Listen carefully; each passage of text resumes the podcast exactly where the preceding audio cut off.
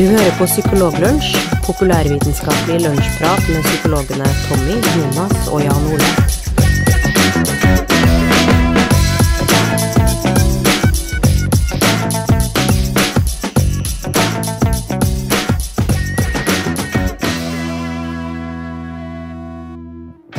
God dag, alle sammen, og velkommen til en ny episode av Psykologlunsj. Vi er på episode tre, eller fire, eller kanskje så mye som åtte, jeg husker ikke. Men eh, det er i hvert fall en ny episode, og jeg heter Tommy Mangerud og skal geleide deg gjennom denne lunsjen, og da med hjelp av eh, Jan Ole Hesselberg Hello, yeah. og Jonas Rumpeldunk Våg. Hallois. Har dere det bra, gutta? Ja. Veldig bra. Det er nå begynner været å bli fint, og da er det flott å sykle ute og gjøre sånne ting. En annen ting som er veldig flott når det er fint vær ute, det er å utsette eh, opptak til denne podkasten vi driver på med. Nå er vi en og en halv uke på overtid for når vi egentlig har tenkt vi skulle eh, ta opp sist. Ja, fordi det får jo ikke lytterne med seg, men hvis vi hadde samla opp eh, all den tida vi har brukt på å avtale utsettelser Åh, av uh, Psykologlunsj, så hadde det antageligvis blitt mer enn innspillingstiden. det, er sant, det. Det er bra vi valgte i dag, da. For i dag spiller jo Altså akkurat nå så spiller Norge mot Island på Ullevål. Norge leder 2-1. Stefan Johansen skåra det første målet etter 40 sekunder, og så har Helland putta på til 2-1 nå etter at eh, Island utligna.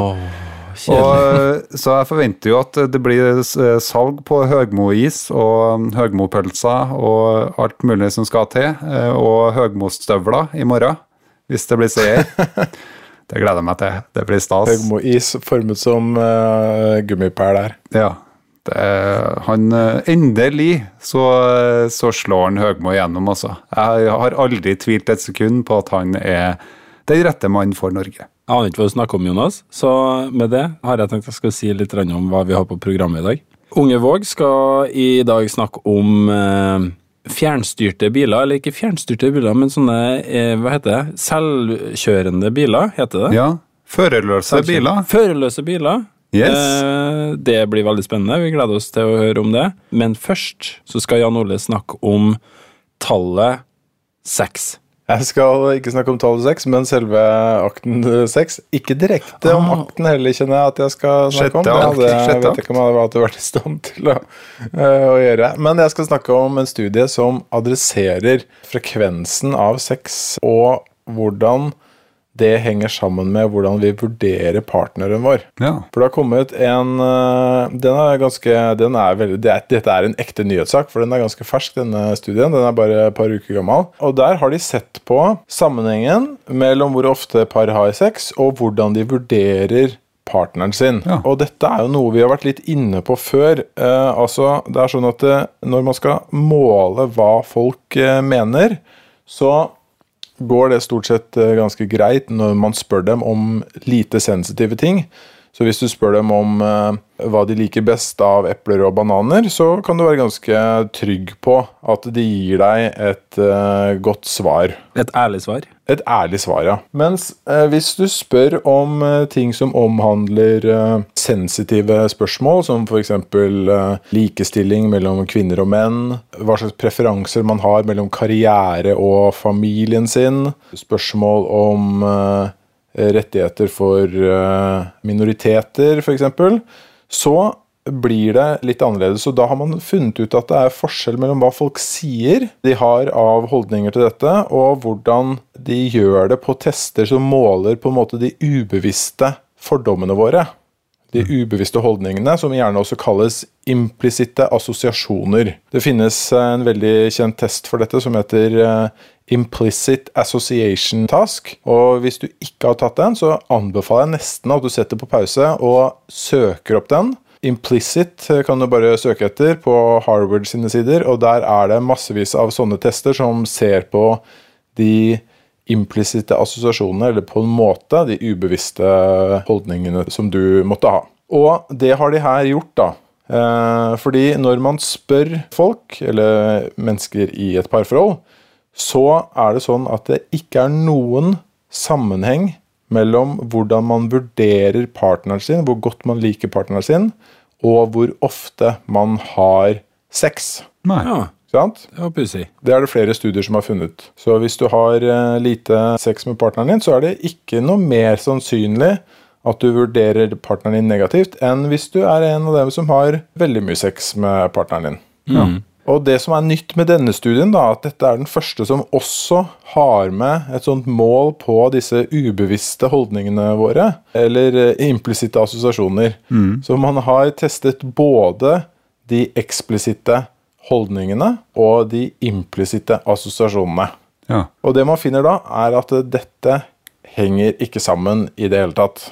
Nei. Ja. Så i de parforholdene hvor det er lite sex, der har de sterkere negative assosiasjoner enn i de eh, parforholdene hvor det er mye sex. Ja. Sterkere negative assosiasjoner til hva, da? Til partneren sin. Oh, ja. For å si det veldig tabloid, så vurderer du partneren din mer negativt Ja. hvis du er i et parforhold med lite sex. Eller det er større sannsynlighet for det, i alle fall. Spørsmål. Eh, årsakssammenhenger, eh, Jan Ole? Det vet man jo selvfølgelig ingen verdens ting om. Kan det være at du har mindre sex med personer du ikke liker? Det kan godt være, men poenget her er jo at det er en kontrast mellom Ja. det folk sier, og hvordan det er Mm. i disse testene.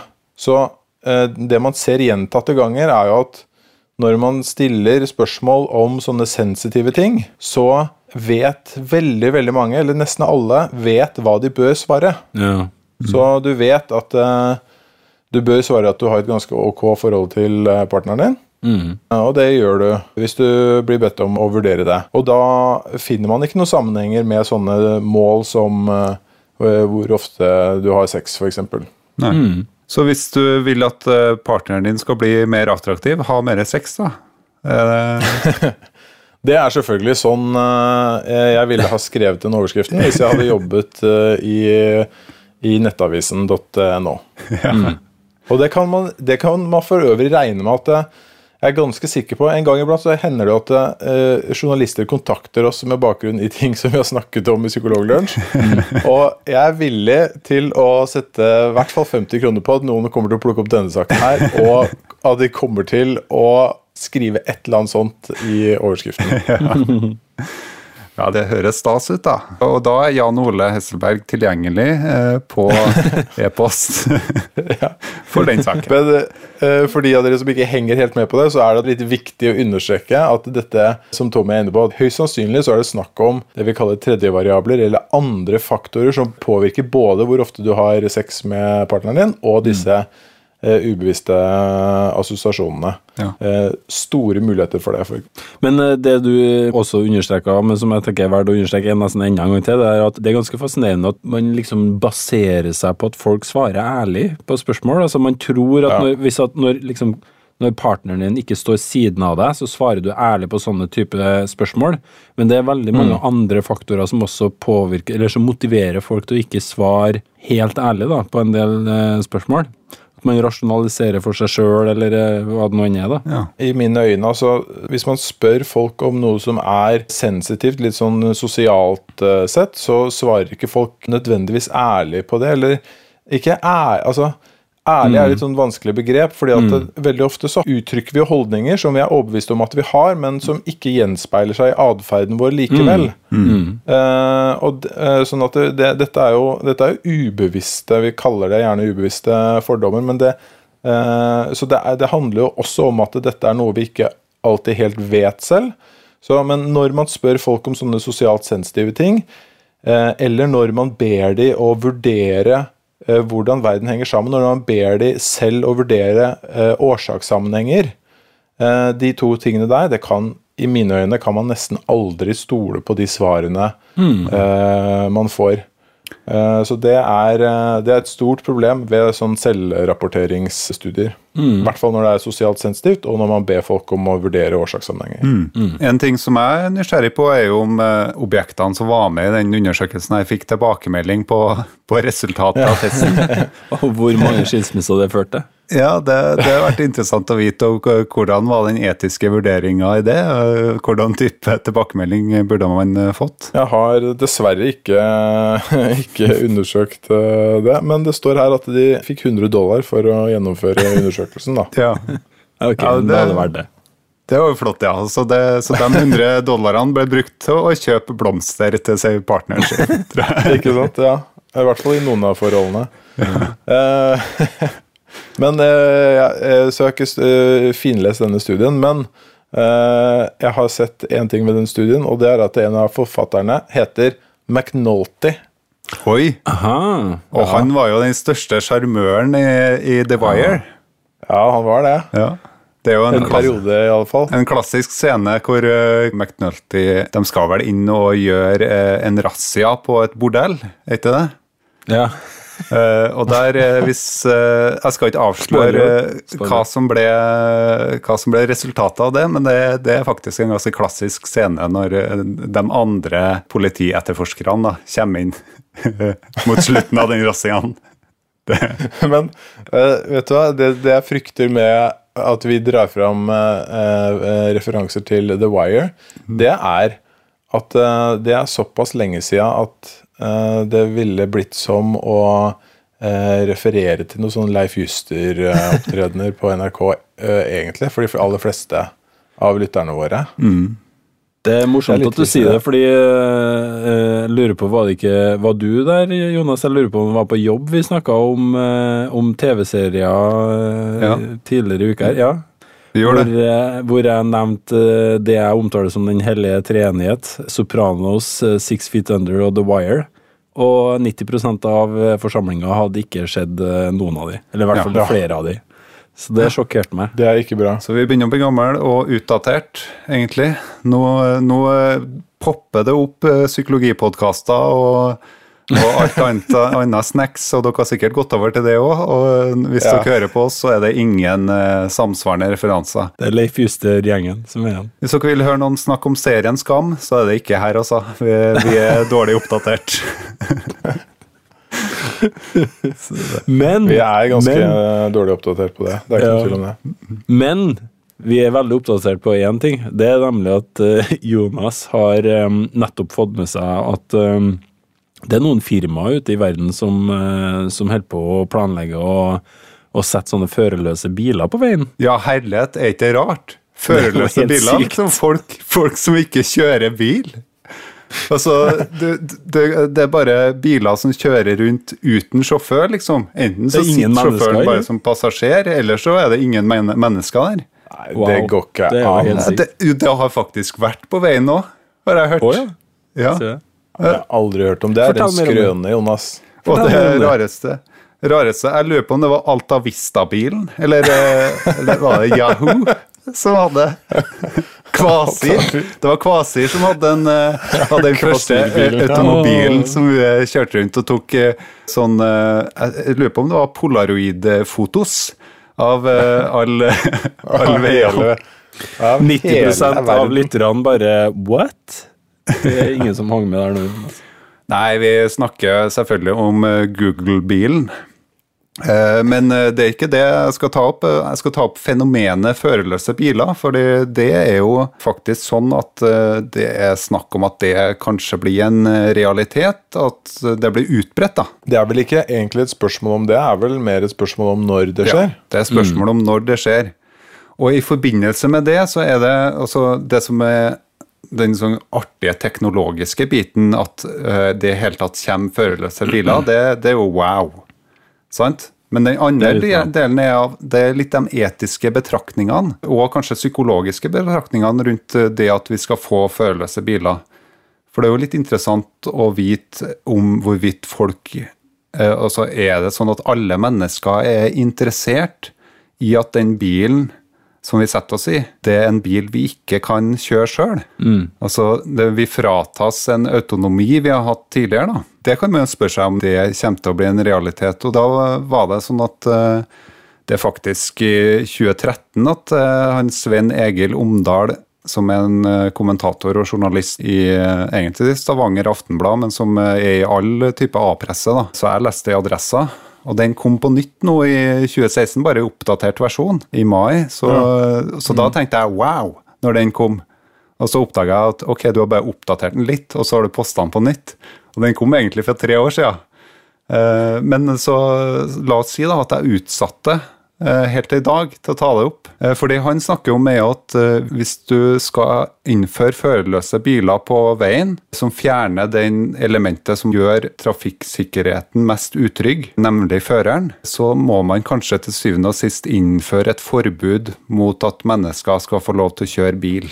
Altså, det er snakk om å ha egne filer for, eh, for de her førerløse bilene eh, i utgangspunktet, men man vet jo at når man har sånne type kollektivfelt nå, eller elbilfelt og to to plussfelt, altså at folk sitter og kjører kollektivt sammen, eller kollektivfeltet, så vet man jo at det finnes jo mennesker som utnytter de feltene.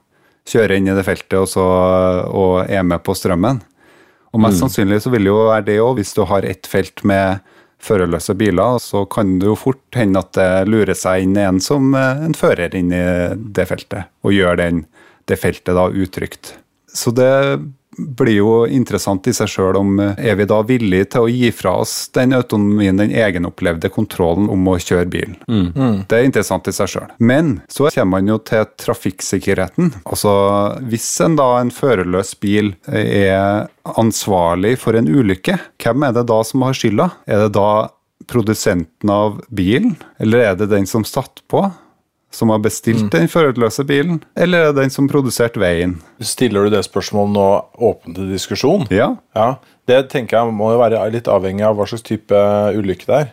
Hvis det er Vegvesenet som har laget et svært hull i veien bare for å lure førerløse biler, og lagt mennesker oppi der som de førerløse bilene kjører på, da tenker jeg at Vegvesenet bør stilles for retten. Men hvis det er en, hvis det er en eh, teknisk feil ved bilen, så er det jo helt logisk at det er ja, eh, bilprodusenten. ja. Men, men en, en ting er i hvert fall sikkert at man, at man fratar eh, i stor grad mennesket det ansvaret ved å innføre sånne førerløse biler. Men det er vel akkurat det man ønsker. Fordi altså, jeg er en teknologioptimist av eh, dimensjoner. Eh, så jeg ønsker dette velkommen. ja. Jeg har nettopp kjøpt meg en ny bil, og jeg er irritert over at det ikke er mer teknologi i den bilen. Denne bilen her, den, den passer på at jeg holder meg i kjørebanen, så hvis jeg slipper rattet i en sving, og det er veimerking eh, på den veien, så sørger den for at jeg fullfører svingen. ja. Den tar over styringa. Og jeg synes at uh, egentlig så burde den gjort det hele tida. Ja. For det er jo galskap at vi mennesker kjører rundt i 100 km i timen Ja. i en eh, stålkonstruksjon. Ja. ja, det er galskap. Men eh, se for deg et framtidsscenario. da. For jeg ser jo for meg at når du får førerløse biler, så vil det jo være noen på veien som kommer til å bli prioritert overfor andre. F.eks. en ambulanse vil mest sannsynlig bli tvika på en sånn måte at den blir prioritert i, i, på veibanen. Eh, det vil kanskje også statsråder eller, eh, eller personer som har eh, kanskje etter hvert viktige jobber, som trenger å komme fortere frem enn andre. Kan det også være sånn at eh, enkelte bilselskap begynner å spekulere litt i at de selger en sånn type luksusbil, da, med en type luksuspakke, som har i ethvert tilfelle eh, gått til ytterpunktet av det som er lovlig, til å tilby den bilen som kommer seg fortest mulig fram. Men eh, det, det kan man se for seg, men tror du at det er en reell problemstilling? Fordi den muligheten har man jo strengt tatt i dag også, Ja. til å si eh, Ambulanser får jo slippe fram, ikke sant? Det, det gjør det jo i dag. Alle utrykningskjøretøy får lov til det. I tillegg så har vi prioritert eh, kollektivtransport, eh, og så har vi, og taxier. Eh, som for, for, for så vidt er kollektivtransport. Men det er jo ikke sånn at hvis du er skikkelig rik i dag, så får du kjøpe deg liksom fri i eh, trafikkbildet. Eh, og det mm, tenker jeg, jeg er ikke så bekymra for akkurat det. Selv om den muligheten er der, så, så ville jo trafikken blitt et salig kaos hvis det skulle vært massevis av graderinger av fremkommelighet. Ja. Da måtte du hatt liksom Du trengte jo da i prinsippet enda flere filer, og hele poenget med førerløse biler er jo også at man kan effektivisere trafikken noe helt vanvittig. Ja. Så akkurat det er jeg ikke, jeg er ikke kjempebekymra for akkurat det, Jonas. Nei, men, er det noe som er det? Men, men se for deg naturkatastrofe, da. Altså, la oss ta eh, de mest søkte eksemplene. Ja, ja, det er det beste. det altså- er alltid det beste. Ja, ja, sant. Ja, ja, jeg sett for deg et sånt scenario da, hvor det er en skolebuss med masse unger, som er førerløs, selvfølgelig. Det er jo ikke noen som kjører busser i framtida. Er ungene førerløse? Unge, ungene er førerløse. Ja. Mm. Eh, og så har du en glatt veibane.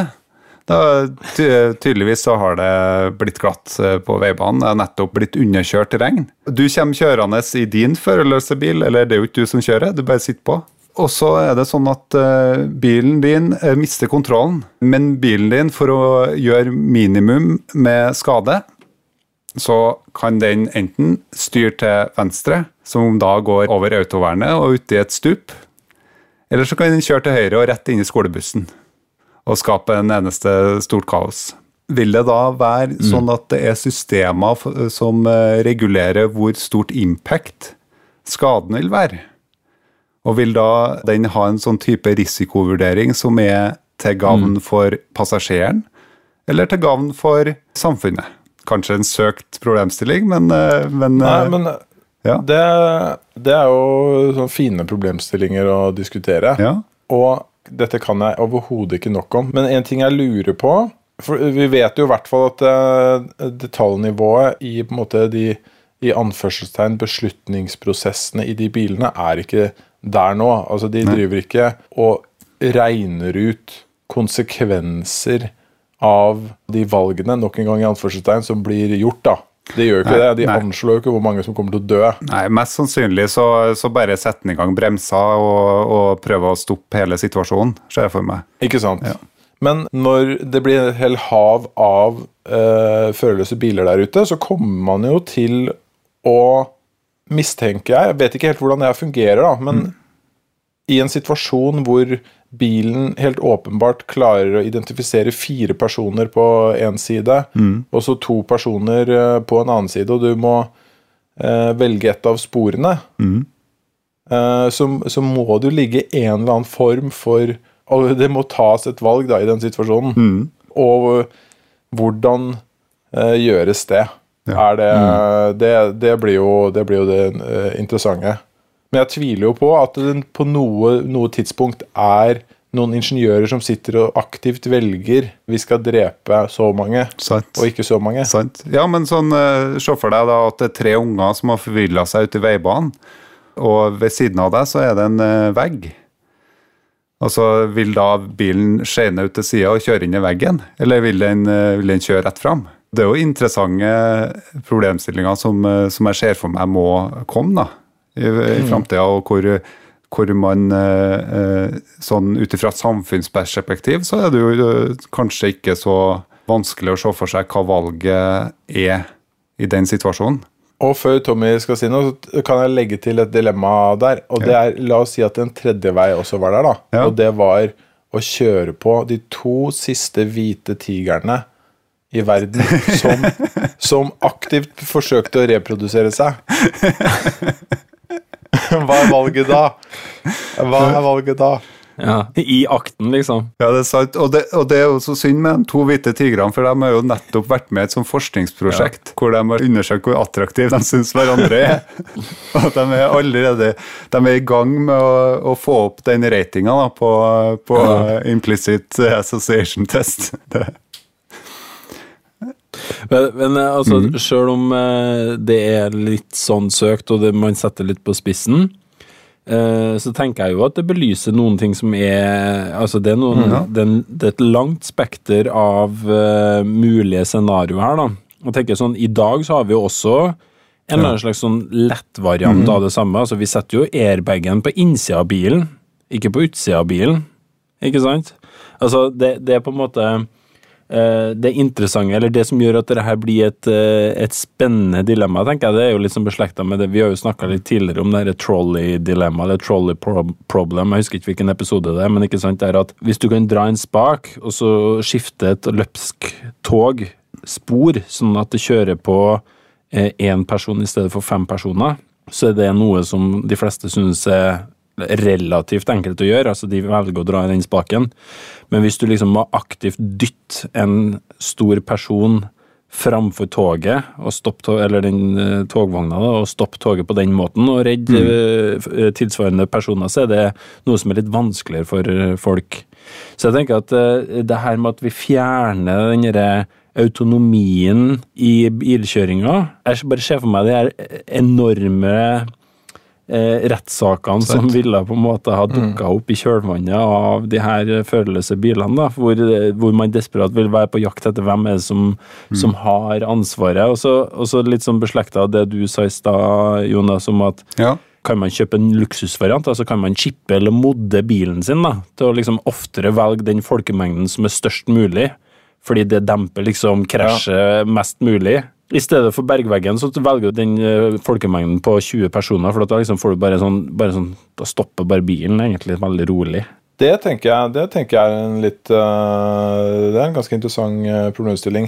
Men, men det, det jeg er ganske overbevist over, da, det er at uh, uansett så Uavhengig av de problemene man møter i dette, og de, alle de diskusjonene som kommer til å dukke opp i kjølvannet av de førerløse bilene, så kommer vi, la oss si om 50 eller 100 år, til å se tilbake på den tida da vi kjørte biler sjøl, og tenke det er jo helt vanvittig at mennesker satt selv, Ja. eh, halvsøvnige, eh, småfulle, eh, uoppmerksomme, satt og snakka i mobiltelefonen sin, og kjørte en bil på uh, 1500 kilo uh, inn i tettbygde strøk med unger som, eh, som eh, sykla på samme vei. Sant. Det, altså, det er et helt sinnssykt opplegg, og det er jo det er jo eh, fortsatt, selv om det har stupt, så er det mange mennesker som dør hvert eneste år eh, i trafikken i Norge, og spesielt eh, i eh,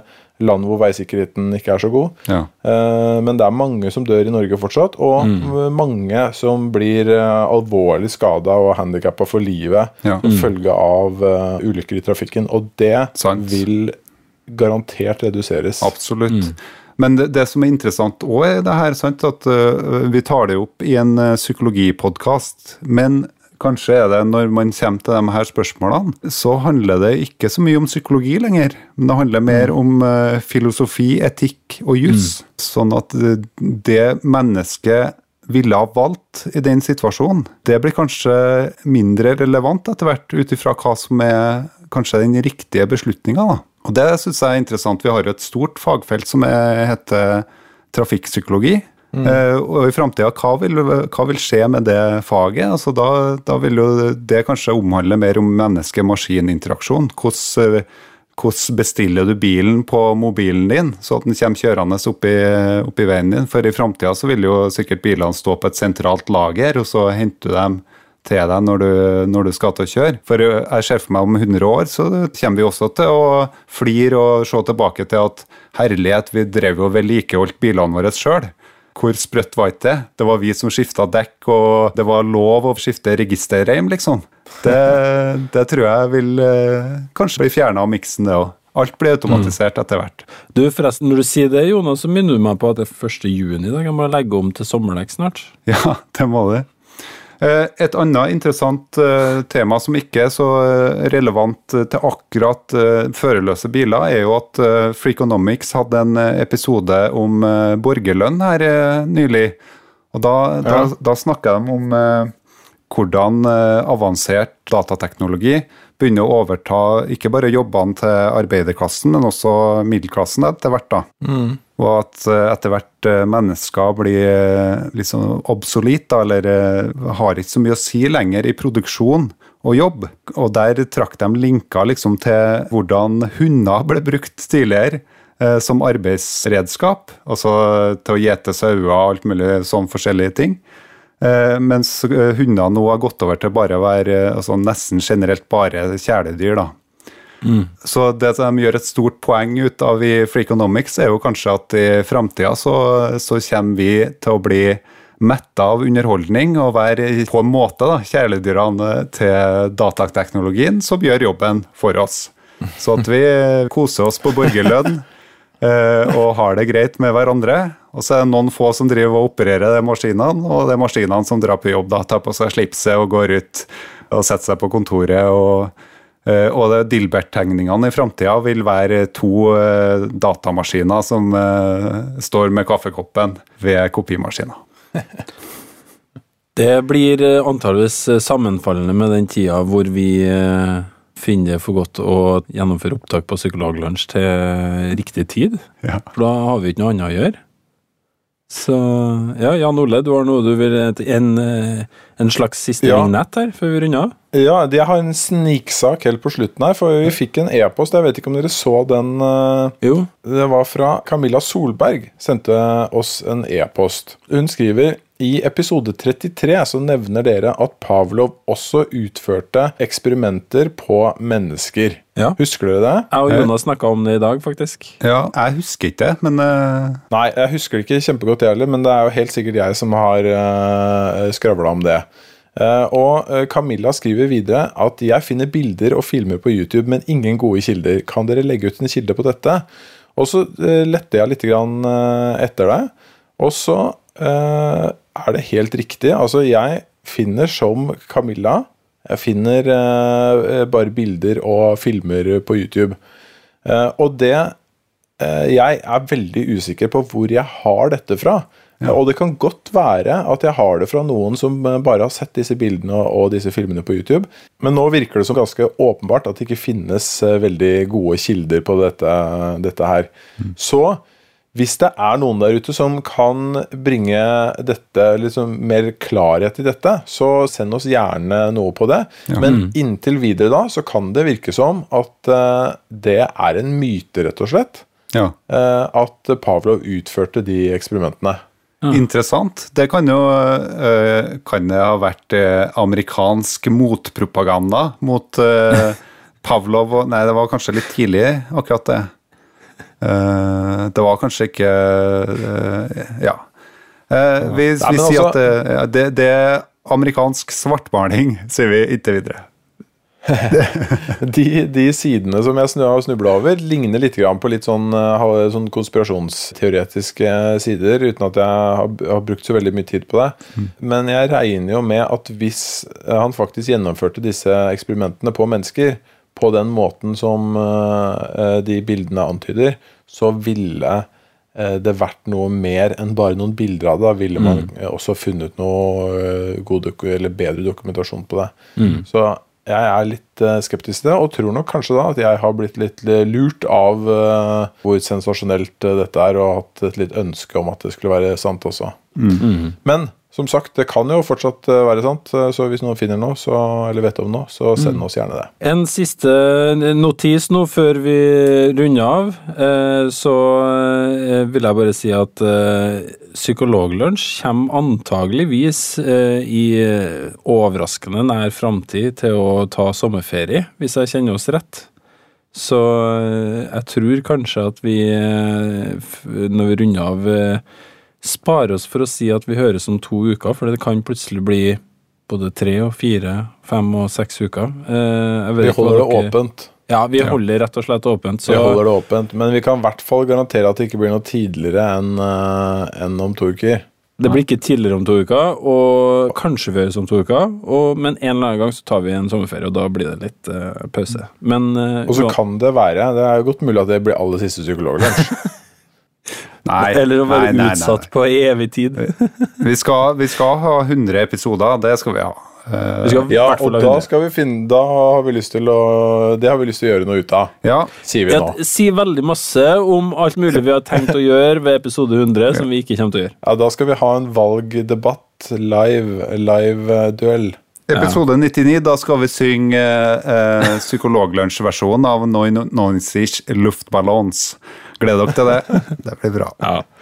Johan Ole friska opp uh, beatboxinga si, og eh, Jonas setter seg i produsentstolen og remikser låta. Det blir en høydare. Eh, inntil da så ønsker jeg dere en eh, trivelig sommer videre. Kanskje vi høres om to uker, kanskje ikke.